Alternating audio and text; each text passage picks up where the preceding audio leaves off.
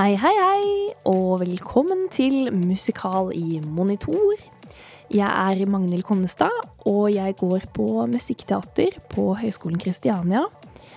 Og i denne podkasten så snakker jeg med ulike mennesker som jobber i musikkteaterbransjen. Eh, og i dag skal jeg snakke med trønder og musikalartist Mari Haugen Smistad. Mari hun har vært med i mange musikaler, forestillinger og spel. Og Mari har også vært eh, vokalist i utallige konserter. Og jeg rekker selvfølgelig ikke å nevne alt, men Mari har vært med i bl.a. Eh, Spring Awakening, Rock of Ages eh, og We Will Rock You i Stockholm. Hun har også spilt Spring Awakening, Tolvskjengesoperaen, Robin Hood i Rei Rei i Sherwoodskogen og Hair på Trøndelag Teater. Og We Will Rock You på Folketeatret. Og eh, 27th Club på Brageteatret. Og Grease på Chateau Neuf og Ulven på Nationaltheatret. Og Mari hun er eh, sertifisert Queen-vokalist, og ble plukket ut av de eh, gjenlevende bandmedlemmene i en auditionprosess. Og Mari hun lager også egen musikk som man kan høre på Spotify. Og hun har også produsert egne forestillinger som Veil i kafeen og Edith Piaf, La vie en rose. Jeg vet ikke hvordan man sier det. La vie en rose. Men uansett, Mari er utdannet eh, musikalartist. Men hun har også en utdannelse i musikk og helse fra Musikkhøgskolen, der hun også går nå, og tar en master i eh, musikkterapi. Og jeg gleder meg veldig til å bli bedre kjent med Mari. Og jeg lurer veldig på hva som er hennes drivkraft til å drive med musikkteater. Jeg lurer også på om Mari tenker eh, om hva Mari tenker om temaet sangstemmen og mental helse. Og dette her, det er musikal i monitor.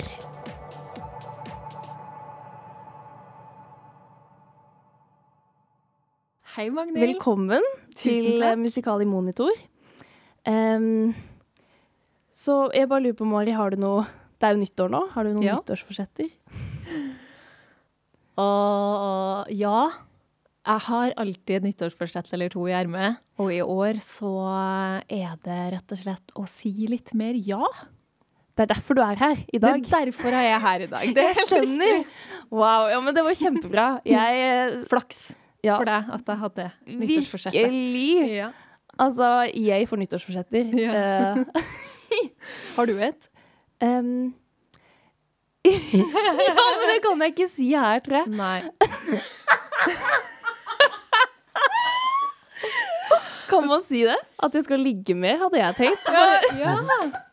Ikke sant? Du er litt mer hands on, du. Du er Ja. litt mer sånn, ja. Det var det. Det er Litt mer det konkret. eneste jeg kom på på nyttårsaften etter Nei, men- noen glass. Så det. Det syns jeg var et godt nyttårsforsett. Ja. Men OK, Mari, det er jo ikke alle som kjenner deg. Nei. Så jeg bare lurte på sånn, eh, sånn at lytterne, de som hører på nå, skal få et litt bilde av hvem du er og sånt. Så lurte Ja. jeg på, kan du fortelle eh, Eller kan, kan du svare på alder eh, og hvor, eller hvordan du bor, Mm. og sivilstatus? Hvordan jeg bor, ja. Det er en morsom, eh, morsom Ja. eh, vri. Nei, jeg er 37 år. Mm.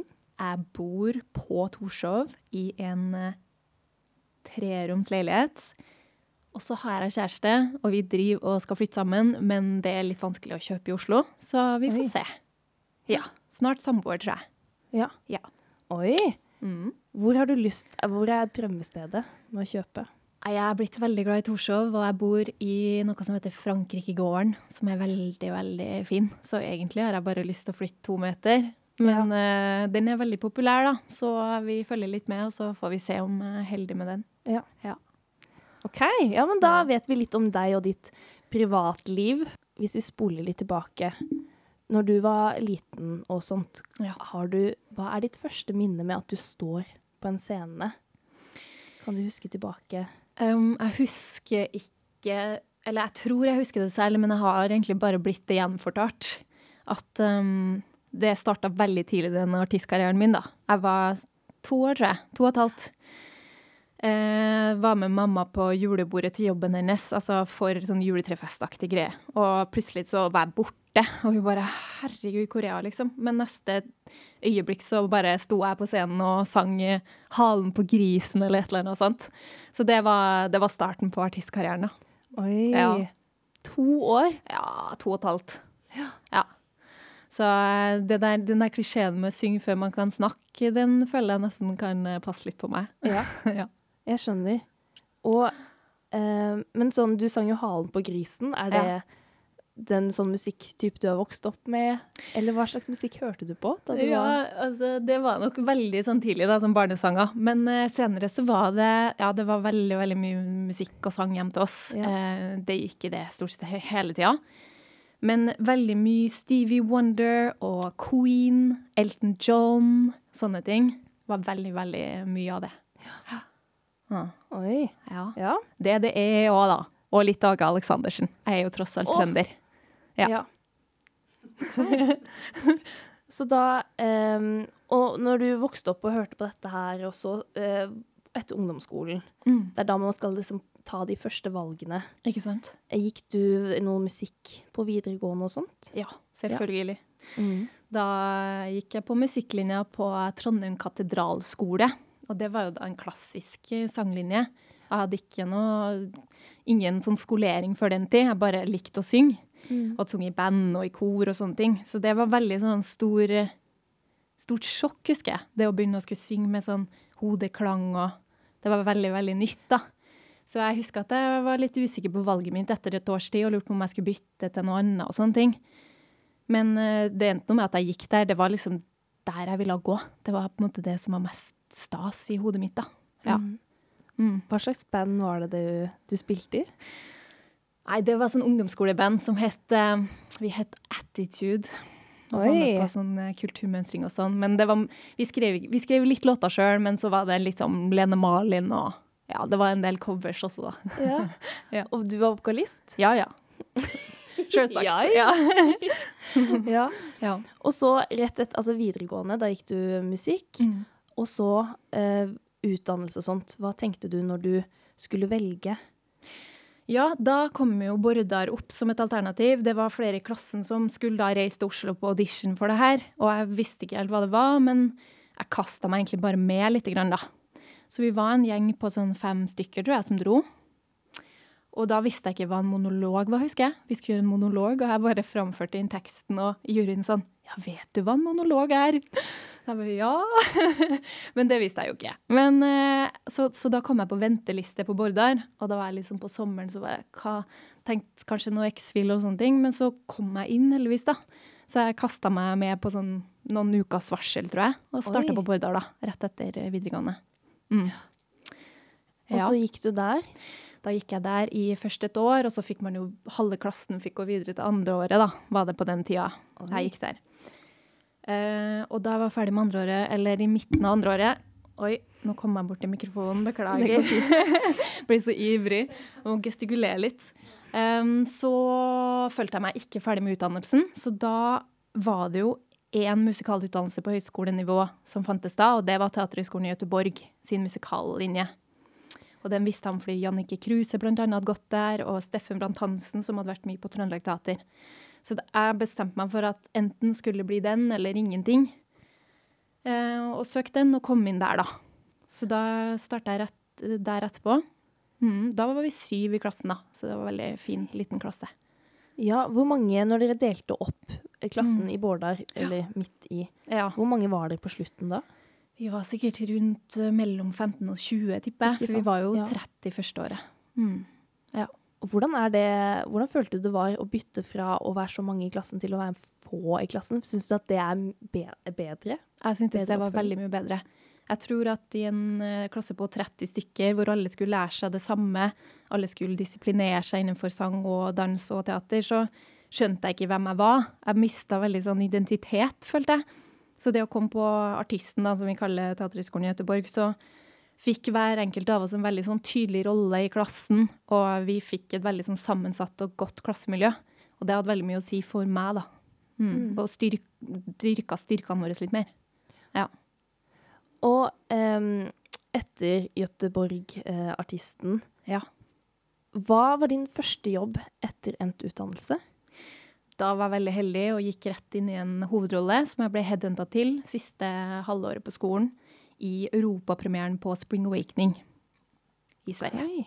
Mm. Og da spilte du Vendela? Ja. Hvordan, hvordan headhunter man? Eller hvordan head, Ja. headhunta de deg? Nei, da var det regissøren tok kontakt med meg, og da var jeg, på den tida var jeg i praksis i Norge faktisk, på Det Norske Teatret, for vi var det i tredje året.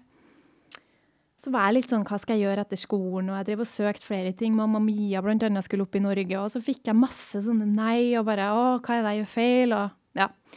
Og så tok han kontakt og fortalte om den her nye musikalen da, som jeg ikke hadde hørt om, og så ba han meg lytte til musikken. Og jeg ble helt sånn, herlighet, det her, det her er jo det jeg ventet på.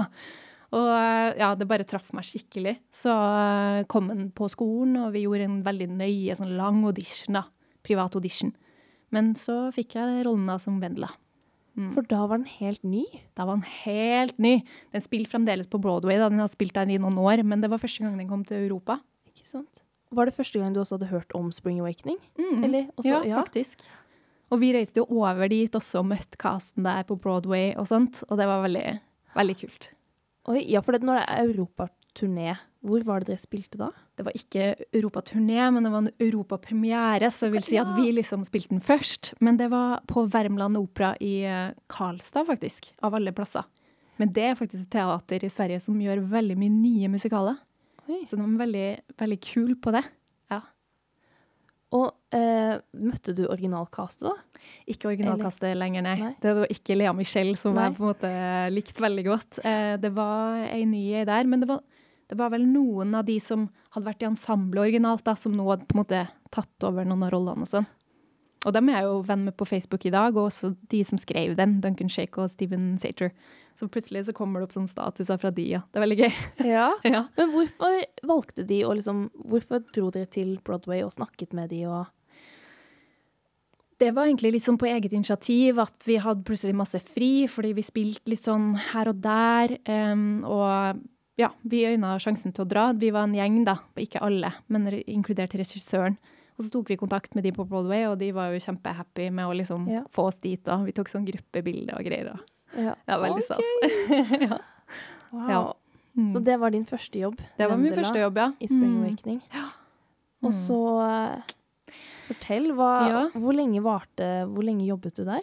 Vi holdt på i syv-åtte måneder med det. Og så ble jeg kontakta av Trøndelag Teater sin nye teatersjef, som da ville gjøre Spring Awakening der. Og Ja. lurte på om jeg kanskje hadde lyst til å være med der. Og det hadde jeg jo. Så da fikk jeg ikke spille Vendela, men Ilse, som er den andre litt større rollen av jentene der, da. Men det var litt tid til, så da, mens jeg venta på den, så dro jeg til Norge og begynte faktisk på psykologistudiet. Oi, Ja. Det visste jeg ikke. Så Nei. spennende. Men uh, hvorfor valgte du det?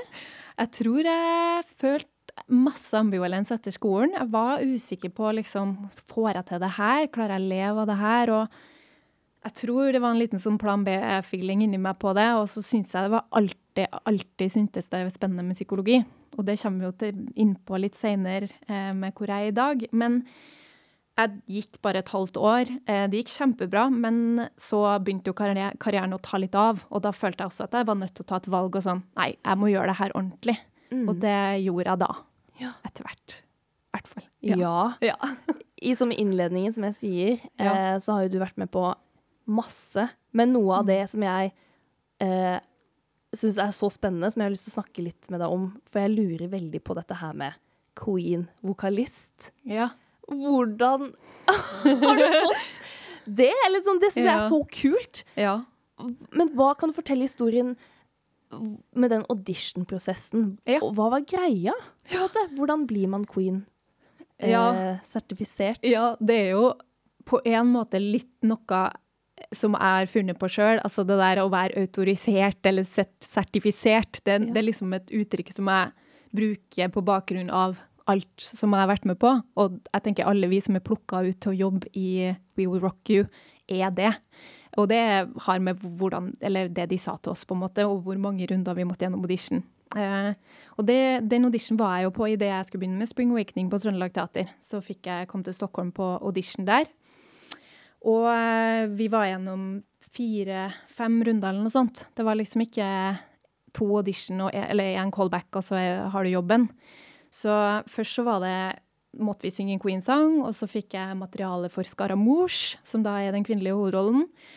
Og jobba litt med det. Så reiste jeg til Trondheim, og så fikk jeg en ny innkalling med mer, mer materiale. Kom tilbake, gjorde det. Så ble videoen sendt til London. Eh, Brian May skulle se det, Roger Taylor skulle se det.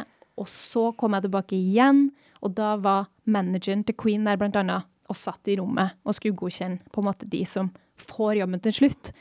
Så det er jo en veldig omstendelig prosess, og de sier at de leter etter stemmer som har en viss sånn rockekvalitet, og som de på en måte kan se for seg kan gjøre de her låtene til Freddie Mercury, da. Mm. Ja. Hvor mange er dere av dere? Ja, det, er, det, vet jeg ikke Nei. på verdensbasis. Det står sikkert på Wikipedia, det står jo hvem som spiller rollene sånn ja. rundt om. Men det ble jo litt spesielt da den ble flytta til Norge, for jeg var jo med fra først i Stockholm, og spilte den der på sirkus. Og så ble jo produksjonen flytta til Oslo og til Folketeatret. Ja, det er den We Will Rock You vi ja. snakker om nå. Ja. ja. Mm. Og da, for å gjøre den auditionprosessen litt lettere, eh, så var det mange av de svenske kasten som ble med over hit. Så de leita ikke etter så veldig mange nordmenn, da. Og det var veldig viktig at Skaramouche var norsk, og Galileo. Det gjør de alltid, liksom, originalkast helst, da. Men mm. da var jo jeg norsk i Sverige, og det var et unntak. Eh, fordi jeg kunne snakke såpass bra svensk, egentlig. Ja. ja. Men eh, ja, så vi er en liten gjeng i Norge. Blant annet Reidun Sæther spilte jo Killer Queen her. Espen Grotheim spilte Galileo. Og så var det en del av mine svenske kollegaer da, som fikk kjørt seg på norsk. Ja. Du, når var det dere spilte uh, We Will Rock You på Folketeatret? Det begynner å bli Det er jo uh, ti år siden nå. Ti år siden, så det var i 20... 2011. 2011 her ja. på Folketeatret, 2010 i uh, Stockholm. Ja. Mm. Um, jeg har veldig lyst til å snakke med deg litt om sangstemmen og sangteknikk og sånt. fordi at når du synger, uh, eller skal synge musikaler som We Will Rock You, uh, og skal synge rock Ja, jeg gjør sånn. Du gjør det sånn rocketegn? rocketegn ja. med hendene. det er veldig viktig å gjøre det når man snakker om rock. Eh, hvordan eller når startet du liksom med å lære deg teknikk for å synge rock? Har du alltid gjort det fra bandet ditt? Nei. Nei. Det kom vel egentlig med den her um, complete vocal teknikk mm. som tok veldig av da jeg gikk på Teaterhøgskolen. Så ble den veldig, veldig populær. Og da hadde jeg bl.a. Reidun Sæther. Hun er jo en fantastisk norsk vokalist og skuespiller. Hun var utdanna som eh, som complete vocal-lærer. Så jeg hadde hun litt i tredje klassen eller andre klassen på Teaterhøgskolen og begynte å leke med disse, disse rockemodene, som overdrive og belting og edge, som det heter i dag. Og da opplevde jeg at jeg kunne gjøre veldig mye av det ganske sånn ja, kjapt, da, ikke sant? Det er sånn litt sånn quick fix på det. At du kan fort lage de lydene. Men uh, du må være veldig forsiktig når du driver med det, fordi du kan fort overstyre en sånn um, ja, naturlig teknikk, da. Og det var noe jeg erfarte også. At det var sånn, Jeg kunne gjøre de tingene, men det ble en enorm belastning på min stemme da jeg gjorde uh, den rockemusikalen. Hva er det man kan gjøre feil da, som belaster stemmen? Uh, jeg tror at man kan bli veldig opphengt i å høre på lyden, og det å Ja. Og så er det noe med at du må ha nok twang, og du må ha du må ha, ta vekk lufta på stemmebåndene. Så det er en del sånne ting som må være oppfylt da, for at det skal liksom være en sunn teknikk. Mm. Og jeg, jeg, ble veldig Ja, det er veldig lett å Eller for meg, jeg har en ganske sterk stemme også, så det er lett for meg å gå dit hvor jeg på en måte gir 100 eller kanskje litt mer, da. Og det er også en del av liksom, det jeg måtte lære meg som, som skuespiller, at det, det er min go to. Og det kan være litt farlig òg. Og en rolle som Scaramouche, hvor du ikke bare synger hele tida og synger veldig høyt og krevende, men også roper, snakker, driver forestillinga framover delvis, da, så er det en veldig enorm belastning. Og det, det, er det for mange som spiller den rollen. Og det ble det også for meg. Mm. Ja. Hva gjør du, eller hva, hva gjorde du for å eh, At det ikke skulle belaste? Eller sånn Hvordan bearbeider man stemmen? Hvordan Mm. tar man vare på instrumentet? Ja, det er et livslangt spørsmål for min del, i hvert fall, som jeg driver og finner ut av fremdeles. Og jeg tror jeg kommer, kommer til å ha det med meg alltid. Eh, men det er Der og da fikk jeg hjelp av logoped og stemmelærere og fysioterapeut og mange ting som vi jobba med for at jeg ikke skulle bli så spent, da. For det har mye med, hvis du får mye spenninger, så får du jo også mye spenninger rundt, rundt strupehodet.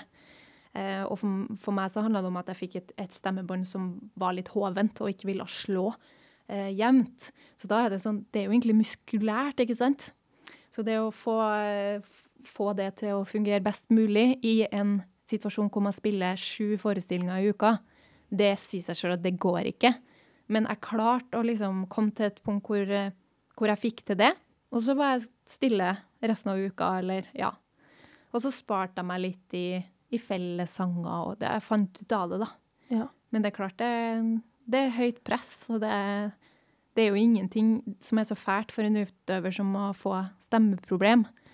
Eh, og det å ha kjent det på kroppen gjør at jeg, jeg har veldig mye omsorg både for meg sjøl og for andre, da, og stemme, stemmehelse.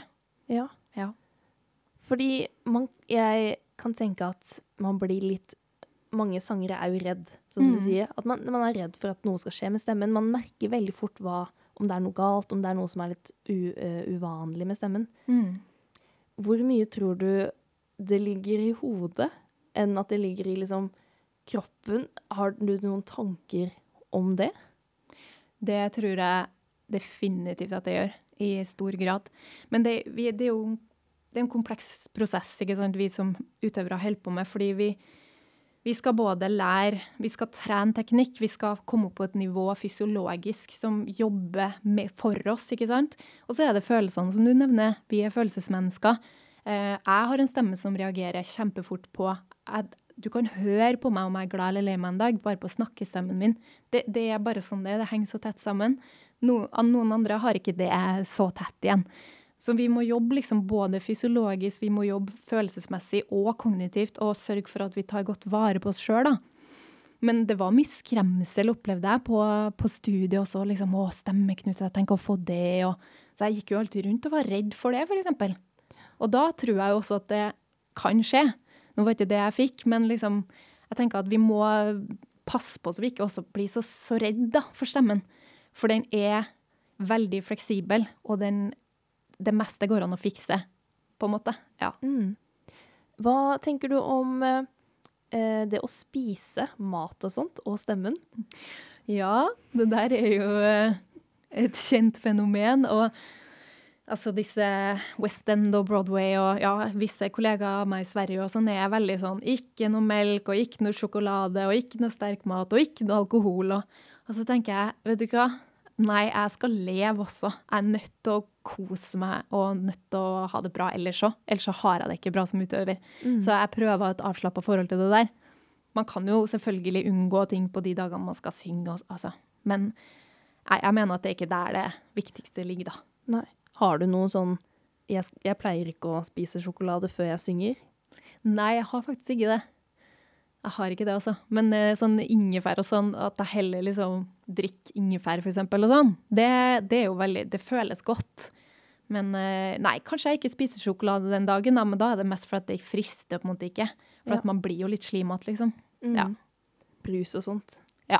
Det nei, mest, det, det er vann og ingefær som gjelder, da. Mm. Ja, og så Fribol, da, det her, eh, den halstabletten som Den er veldig god. Anbefales. Oi, Mm. nå burde jeg bli Kommer det et lite tips? Ja. Reklame. Ja.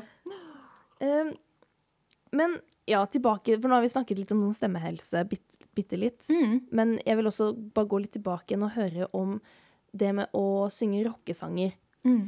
Uh, fordi at du uh, underviser litt også, og har masterclasser og sånt. I hvert fall hatt en del av det. Nå er det en stund siden, men ja. Ja. Eh, ikke, ikke i ren stemmeteknikk sånn sett. Eller jeg har, har hatt noen elever, men jeg, jeg vil ikke si at jeg kanskje er den mest tekniske sanglæreren. Jeg er nok mer opptatt av formidling og hvordan Ja. du har det med kroppen og klarer å lage lyd, mye eller lite lyd, eller ja, Ja. mer det, da. Jeg er jo ikke en utdanna sangpedagog, men eh, ja. Men bruker du, hvis noen har lyst eh, Mhm. til å lære seg litt mer om hvordan synge rock, Ja. gi, bruk, bruker du CVT og Ja, disse verktøyene, da? jeg leker litt med det. Ja. Jeg gjør det, ja. Det synes jo at, eh, men jeg har veldig respekt for det, av, eh, selvfølgelig, for jeg har egen erfaring med at det, det kan, eller man skal bare ha litt respekt for det da. Så jeg kan godt leke litt med det, også, men så bare så lenge det er ok for sangeleven, tenker jeg. Det, det er jeg veldig var på. Mm. Men, eh, for du nevnte jo også at du, du eh, bruk, eller jobber du veldig sånn skuespillerteknisk når du Jeg jobber Eh. veldig mye med formidling, i hvert fall. Ikke sant? Eh, og det Jeg har hatt en lærer senere år som er veldig klassisk, egentlig, i bunnen. Men hun er utrolig musikalsk. Eh, veldig god på musikalitet og det å, å formidle og det å liksom og for, for, for å få til det, så må man også jobbe med å slappe av, men man må ha en spenning. Så sånne ting syns jeg er veldig, veldig spennende. Og, og det å være i kroppen, da. Så hvordan, hvordan har kroppen din det? det? Det er noe jeg er veldig interessert i. Eh, når man er skuespiller, så Mm. er jo også kroppen veldig viktig. Veldig. Tror du at det å leve seg inn eh, når man står på scenen i en eh, karakter, at det kan hjelpe på hvordan man bruker stemmen? Ja. Nei, det er et kjempegodt spørsmål. Er det noen som skjønner? Ja. Jeg Jeg tror jeg skjønner det. Ja, eh, litt sånn hvis, At du bruker følelsene til karakteren, da, til Ja. å formidle de følelsene, og da vil også eh, stemmebruken bli riktig. Mm. Fordi at du, det er noe som kommer innifra, og da vil du få den naturlige bruken av stemmen, på en måte. Det tror jeg definitivt. Ja. Ja. Så er det ikke alltid man får til det pga. tekniske utfordringer eller hva som helst. Så da kan man jo gå til helt sånn konkrete stemmeting og hvordan kan jeg gjøre det her på en trygg måte. Men det ideelle er jo å gjøre som du sier. Gå innenfra og ut, tror jeg. Og, og tørre å, tør å la stemmen følge kroppens instinkter, da. For det, det er den mest organiske måten å jobbe på. Hvis man har den tilgangen, da. Ja. Og det er jo det vi også jobber med konstant, og spesielt tenker jeg som musikalutøvere, at du har, du skal både danse, du skal spille teater, du skal synge. Det er mye teknikk involvert. Eh, og det å ha da full tilgang på en fri kropp som er, tar alle impulser og sånne ting, eh, er ikke alltid en selvfølge, tenker jeg. Fordi det er veldig komplekse ting som skjer. Men OK, Mari. Um, for du har jo laget dine egne forestillinger også. Eller produsert. Eh, som da er Kurt i Nei, Kurt! Kurt, Kurt Weil. Ja. Sangene, eller som han um, Den heter vel Weil i kafeen? Ja, den ble Først het den uh, Weil i kafeen, og så het den Musikken i teatret. Så jeg har gjort den, jeg har spilt den litt forskjellige plasser, da. Mm. Hvordan kom du på ideen? Hvordan startet Ja, det er litt morsomt, egentlig. Fordi jeg ble introdusert for Kurt Weil på videregående. Eh, og, for da var det mye klassisk sang, som jeg nevnte tidligere. Men så jo, fikk jeg høre noe Kurt Weil. Eh, det var en gjeng fra Studentteatret i Trondheim som kom inn i klassen vår og fortalte om tolvskillingsoperaen som de skulle sette opp. Og det har vist seg i ettertid at det var Erik Skøyen som kom inn i klassen min. Som sant? nå er da ikke sant, rektoren deres på Musikkteaterhøgskolen, og jeg jobba masse med han som regissør, da. Eh, men etter det så har jeg vært veldig interessert i den type musikk. Eh, den er veldig kompleks eh, på en bra måte. Han klarer å formidle så mange lag i karakterene sine gjennom musikken, og kontrastfylt, men også så enormt vakkert. Eh, så det er, det, han er nok en av mine favorittkomponister. Selv om Sondheim er kanskje hakket hvasser, da, men eh, veldig vakkert. Eh, og så ble jeg spurt etter We Will Rock You fra Trøndelag Teater om jeg ville komme og spille Tolvskillingsoperaen på Trøndelag Teater. Og det var jo kjempekult for meg. Superstas. Etter på en måte en sånn kommersiell ting da, som jeg hadde gjort, så fikk jeg gjøre noe sånn litt smalt. Det var gøy.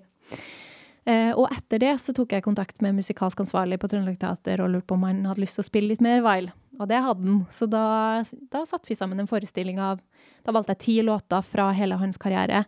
Og han starta jo i Tyskland Men pga. andre verdenskrig så måtte han søke eksil i USA, så han, had, han hadde på en måte halvt om halvt karriere, da, både tysk musikk og amerikansk musikal. Og han klarte å, å tilpasse idiomene i USA så godt også. Så det er veldig interessant å høre på liksom, den reisa han har gjort også musikalsk, da. Mm. Er det en eh, Kan du fortelle litt om den forestillingen? Eh, er det Hvordan forestilling er det? Er det konsertmusikal? Det er en konsertforestilling, vil jeg si. Um, det som jeg kanskje gjør den litt original, er at jeg starter på en måte motsatt. Jeg starter med hans død, og så starter på på slutten der han var i USA. Og så går jeg bakover i tid og slutter i den tyske perioden, som er kanskje det han er mest kjent for. Da jobba han jo med Bertolt Brecht, og det var masse politisk og ja. Så, men, men, jeg forteller egentlig enkelt om livet hans. Det, det, er ikke noen sånn fancy oppskrift. Um, så meg alene på scenen og sammen med Åsmund, da, som spilte piano. Så det er virkelig musikken i fokus, da. Mm. Ja. Og for du har jo også eh, en forkjærlighet for Edith Piaf. Ja. Sier jeg det riktig? Ja, Edith Piaf. det gjør ja. du. Jeg leste, det var hygg, eller jeg leste litt om henne, mm. og at hun har fått det navnet fordi hun var så liten. Ja, hun minte om en liten spurv. Ja. Hun var litt sånn uh, uflidd og håret litt sånn til alle kanter og litt sånn Ja, veldig ubesudla, da. Da hun ble kjent, så fikk hun det kallenavnet. Ja. Kan du fortelle litt om hvorfor du valgte å lage en For det er også en forestilling, eller en konsertforestilling, eller? Ja, det er egentlig en teaterforestilling, fordi det er basert på et manus eh, skrevet av en svensk regissør. Eh, og det er basert på noe så komplisert som biografien til hun som var halvsøstera til Edith Piaf. Oi. Hun het Simone Berthaud, eh, og, og, eh, manuset da ser på en måte livet til Edith Piaf ut ifra Simon sine øyne. Og det syns jeg var en litt sånn kul twist, fordi mange har spilt Piaf. og ja, hva, hva, kan jeg tilføre, på en måte? Men det var en litt sånn frigjørende vinkel, for da slipper jeg på en måte spille hun hele tida, men da kan jeg gå litt inn og ut av, av å gestalte hun, da. Og så kan jeg være Simon, og så kan jeg være noen av de andre karakterene i hennes liv, da. Eh, men grunnen til at jeg ble interessert i det, er faktisk den Kurt Weil-forestillinga, for da sang jeg både på fransk og tysk og norsk. Og da var det liksom, hver gang jeg spilte den, så var det noen som bare 'Du må synge Edith Piaf!' Og så tenkte jeg ja, Mm, jeg er ikke helt klar for det. Men så ble jeg litt eldre, og så tenkte jeg nå, nå tror jeg jeg kan være klar for det. Ja. Hva er det som er så spesielt, eller hva liker du med Edith Piaf? Inderligheten.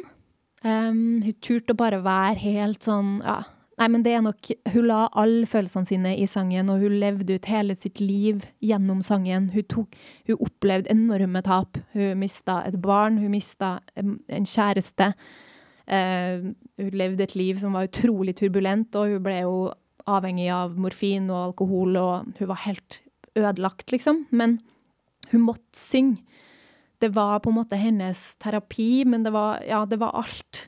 Og det var jo derfor hun ble så stor også, fordi hun ble hjertet til en hel nasjon, og egentlig til en hel verden. Ja, og det, den krafta, den er på en måte udødelig, tenker jeg da. Hvordan var det å gestalte disse følelsene med sang, eller ja. via sangen? Jeg jobba med regissør eh, Kjersti Haugen, heter hun. jobber mye på Trøndelag Teater og Norske Teatret. Og eh, vi utforska en del av det her sammen, da. Men ikke bare Det er jo en del tekst også her. Ganske vakker tekst skrevet, eller veldig vakker.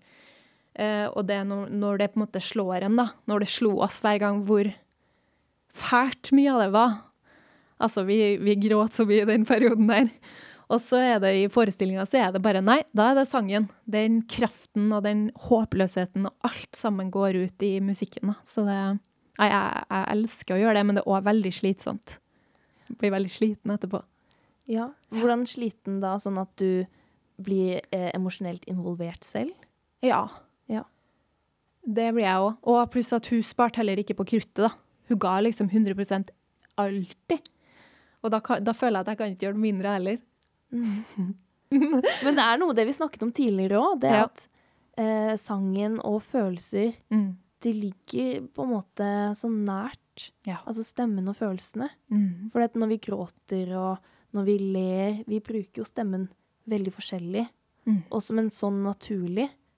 Eh, og man blir jo ikke hes av å gråte, eller Men du lager jo sykt høye lyder når Ja. du skriker eller Ja, blir Ikke redd. sant? Ja.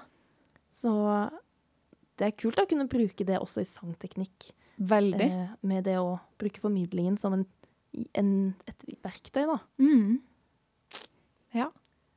Men eh, kan du tenke deg å lage en hel musikal ut av Edith Piaf, eller dette her? Den er jo blitt ganske fullendt, på en måte. Den Edith Piaf. Den er liksom en en og en halv eh, times lang forestilling.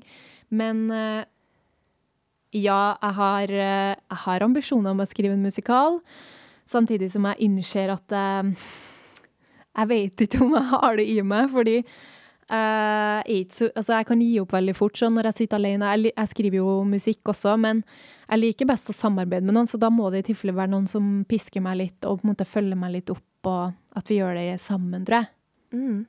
Men jeg syns jo det er utrolig kult, sånn som Sarah Bareilles, som er egentlig popartist og plutselig skriver musikk til Waitress. Og det er sånn som inspirerer meg helt enormt, da. Da blir jeg veldig sånn Å, men det går jo an! Man trenger ikke å være Sondheim for å skrive musikal, Nei? men man trenger å tenke eh, veldig nøye gjennom hva man gjør, og i hvert fall hvis man skal skrive historien også, da. Det er Mm. veldig avansert.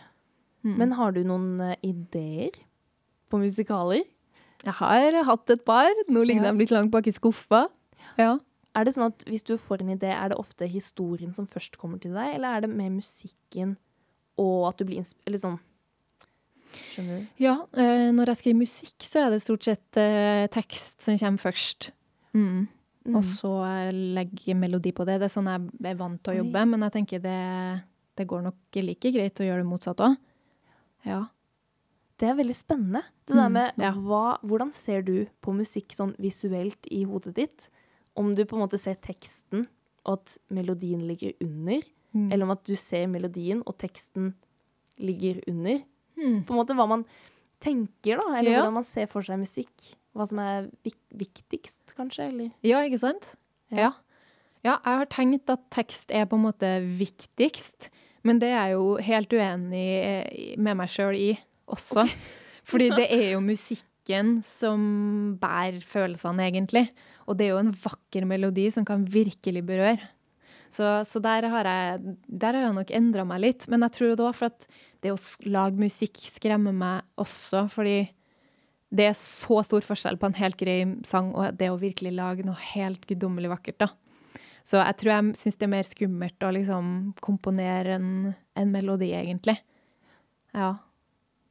Så når du eh, For du har jo noen sanger på Spotify Ja. eh, som man kan høre på. Mm. Eh, kan du Var det da teksten som kom først? Ja, så, men har du også laget melodien? Ja. Har her også. Mm. Hvordan er den prosessen der du ser en tekst? Hvordan kommer melodien til deg? Ja, noen ganger gjør den det.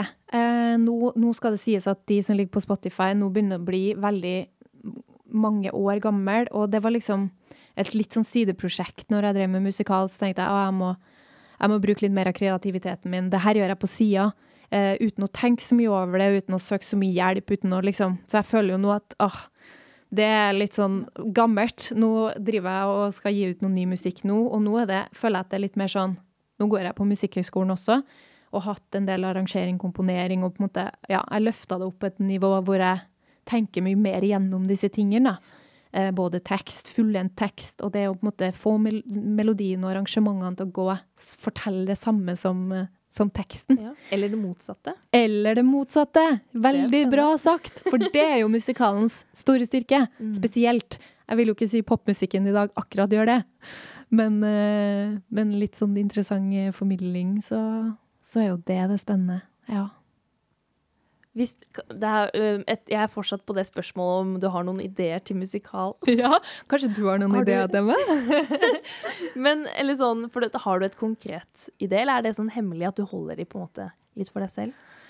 Vet du hva, nå har jeg ikke tenkt på det her på et par år. Det var liksom Ja, vi kommer kanskje Altså, jeg, jeg starta jo på et studie for to år siden som heter Musikk og helse på Musikkhøgskolen.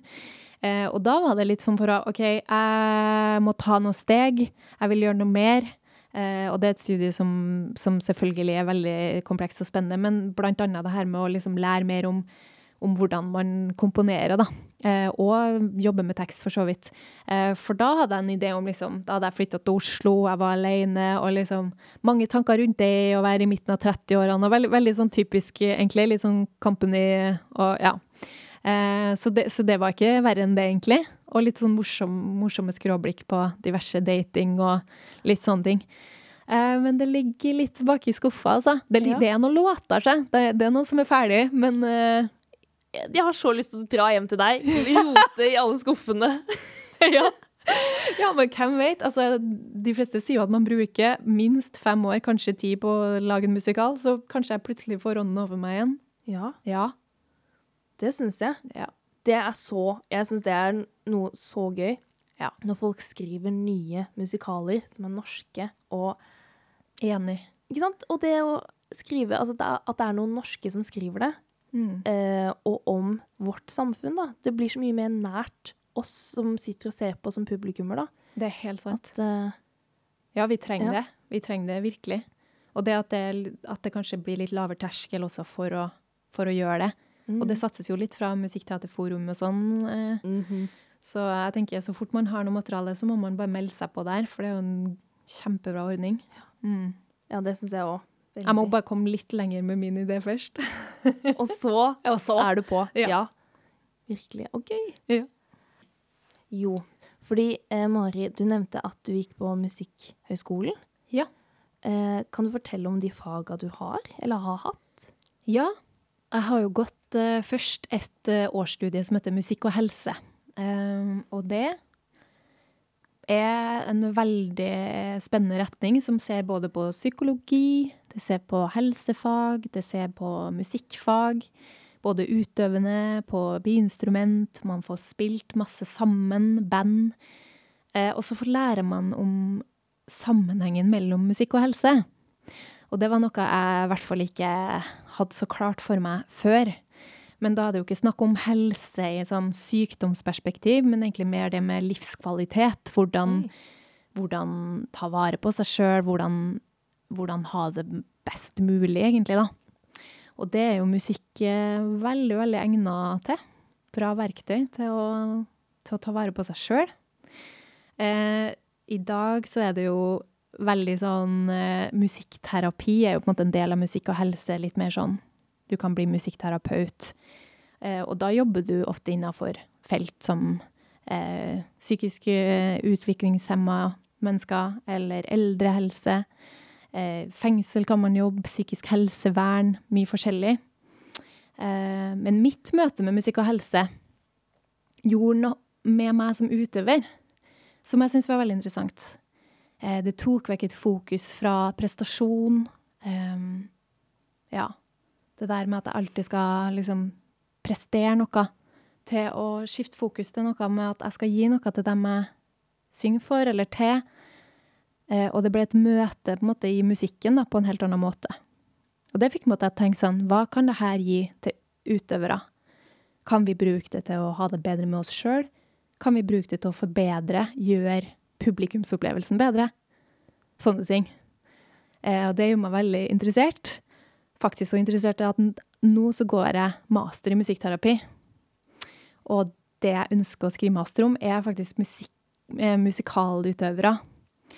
Eh, og kunnskap om musikk og helse. Hvordan er det mulig å bruke disse musikkterapeutiske metodene som musikalartist til å ha det bedre som utøver, eh, møte prestasjonsangsten på en, eh, en, måte som gjør at man slipper den litt. Eh, klarer å ta bedre vare på seg sjøl, sin mentale helse, sin psykiske helse. Eh, sånne ting. Så det, det syns jeg er veldig spennende. Mm. Det var veldig fint sagt, det der med å flytte fokus. Mm. Og at du tenker at du ikke skal prestere, men at du skal gi noe ja. til publikum. Ja. Um, Det er jo lettere sagt enn gjort, men vi har musikken med oss, og det, jeg har glemt det i hvert fall, at vi driver faktisk med noe som også kan gi oss noe i det vi driver med det, hvis vi klarer å, å lytte det og vil i det. Mm. Og så, ja, at man får For da får du jo den følelsen av at du hjelper noen andre. Mm. Eh, For jeg kan merke at vi, når man går en utdannelse som musikkteater, at fokuset ligger veldig på enkeltpersoner. At det er veldig mye sånn mitt instrument og. Jeg og hvordan jeg skal Men man føler ikke helt det der at jeg er til nytte i samfunnet. Mm. Men man er jo en veldig viktig spillbrikke i samfunnet når du skal eh, speile samfunnet vårt, da. Og på en måte Sant. Eller framtiden til samfunnet, eller vise noen sin, eh, et annet menneske sin side. Um, det er jo kjempeviktig å liksom huske på det at vi er viktige for at samfunnet vårt skal Enten om det er underholdning, eller om det er det å em, gestalte en Eller fortelle en historie til et annet menneske, Mm. så er det jo viktig for samfunnet. Kjempeviktig. Og man, jeg tror veldig mange har merka det under pandemi, at shit, det er jo, det er jo så viktig. Mm. For at når det går bort, den derre hva og hva er spesielt med scenekunst som du ikke får når du ser på film, Mm. eller når du um, Ja, film, kino eh, Hva annet har vi? Bildekunst. Mm. For scenekunst er så Det er bare i øyeblikket det skjer. Mm. Og det er liksom den publikums, eller den kontakten man har mellom publikum og de utøvere, som er en sånn responssløyfe. Det er det. Det er det virkelig. Ja. Og også mellom de som står på scenen. ikke sant? Det skjer noe hele tida. Det det man kan, Ja. kan kalle et intersubjektivt møte. At sånn OK, du er du opplever det, og jeg opplever det, og vi vet at vi opplever det her nå samtidig. Og publikum responderer gjennom applaus, de responderer gjennom å lytte, gråte. Ikke sant? Det er jo, det er jo levende. Det er jo frekvenser mellom oss. Det er jo, jeg har sett noe forskning, jeg aner ikke om det stemmer, da, men at liksom publikums hjerte slår i takt når de har vært på forestilling. Og, altså, Man kan jo tenke seg det, i hvert fall. Da. At det skjer en sånn kollektiv eh, eh, samklang, på en måte. Ja, og det at man kan være en del av at folk møtes Mm. samtidig på samme sted og opplever det samme. Og de lærer det samme. Det er jo så viktig for at Mm. samfunnet vårt skal em, kunne samarbeide. Og det ser Mm. andres menneskers, menneskers side, da. Forstå andre og det der. Det òg. Husk på at vi er ikke en øy, liksom. Vi, Mm. vi sitter jo mye alene nå. At vi kan glemme litt at vi faktisk er mange i samme båt. Og at vi Mm. trenger å forstå, også som du sier, sette oss inn i andre situasjoner, og ikke bare se oss sjøl, da. For det, når du går på Musikkhøgskolen, del, er det deltids? Nå går- jeg heltid, faktisk. Du går heltid, ja. I pandemitider så fant jeg ut at det var, det var den beste investeringa jeg kunne gjøre. Mm. Det at du driver med nå musikkterapi og sånt, Ja. um, har du lyst til å drive mer med det, eller ser du for deg at du har lyst til å um, gjøre begge deler? Jeg driver jo hele tida og bygger bro imellom den jeg er som utøver og, og dette fagfeltet som heter musikkterapi. Eh, Da er jeg egentlig mer innenfor musikk- og helsefeltet, som har blitt et litt sånn nytt felt, som ser kanskje litt mer på helse i et folkehelseperspektiv. At det handler om å ta vare på seg sjøl, sin psykiske helse, sin ja, vitalitet, eh, hvordan man har det. Så jeg tror nok at jeg eh, ja, hele meg er en utøver. Altså, ja, jeg kommer ikke til å legge fra meg det i det hele tatt. Så nå føler jeg at jeg bare bygger på kompetansen min og har muligheter til å ta meg kanskje en jobb som musikkterapeut en dag, eller løfte opp og kanskje forske mer på ting, eller ja, det, jeg føler bare at det beriker meg veldig mye på mange områder, og det kommer til å gjøre meg til en bedre utøver også. Um, ja, så jeg har ikke noe klart svar, men jeg ser for meg at jeg at det, at det blir en slags kombinasjon kanskje i framtida, da. Mm. Mm. Har du noen tips til musikkteaterutøvere eh, om hvordan de skal ta vare på akkurat det du snakket om, det her med mental helse, Mm. eh, prestasjonsangst, eller også stemmehelse, Mm. den fysiske helsen? Hva tenker du er på en måte det viktigste? Det var et uh, vanskelig spørsmål, som sagt, som jeg uh, driver på med sjøl og finner ut av.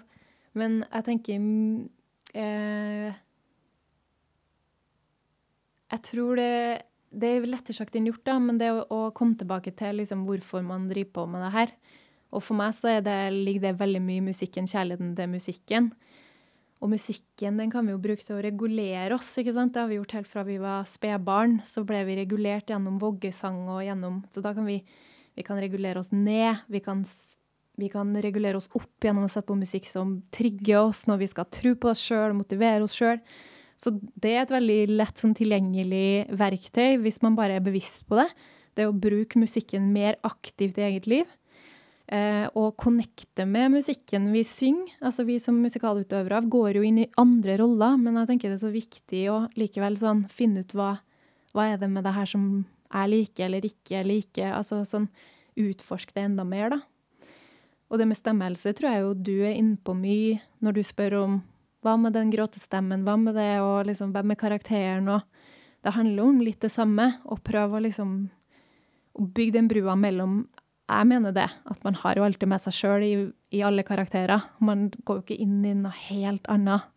Så det å liksom aldri glemme seg sjøl, føler jeg Jeg tror det er en viktig brikke, da.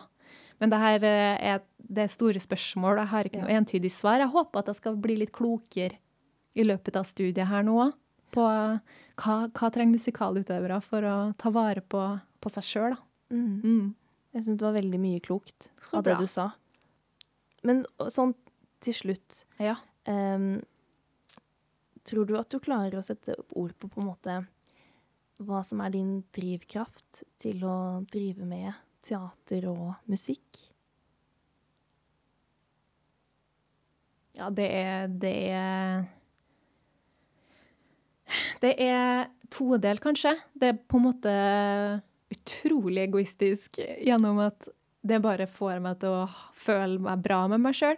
Det er bare det kroppen min har lyst til å gjøre, og det å liksom være til stede her og nå, det er en veldig sånn frihetsplass, det scenerommet.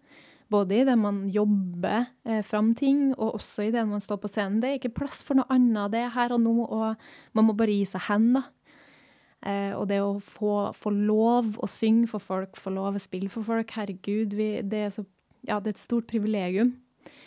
Eh, og det andre er ja, det er det å, å, ha muligheten til å kunne berøre mange på en gang.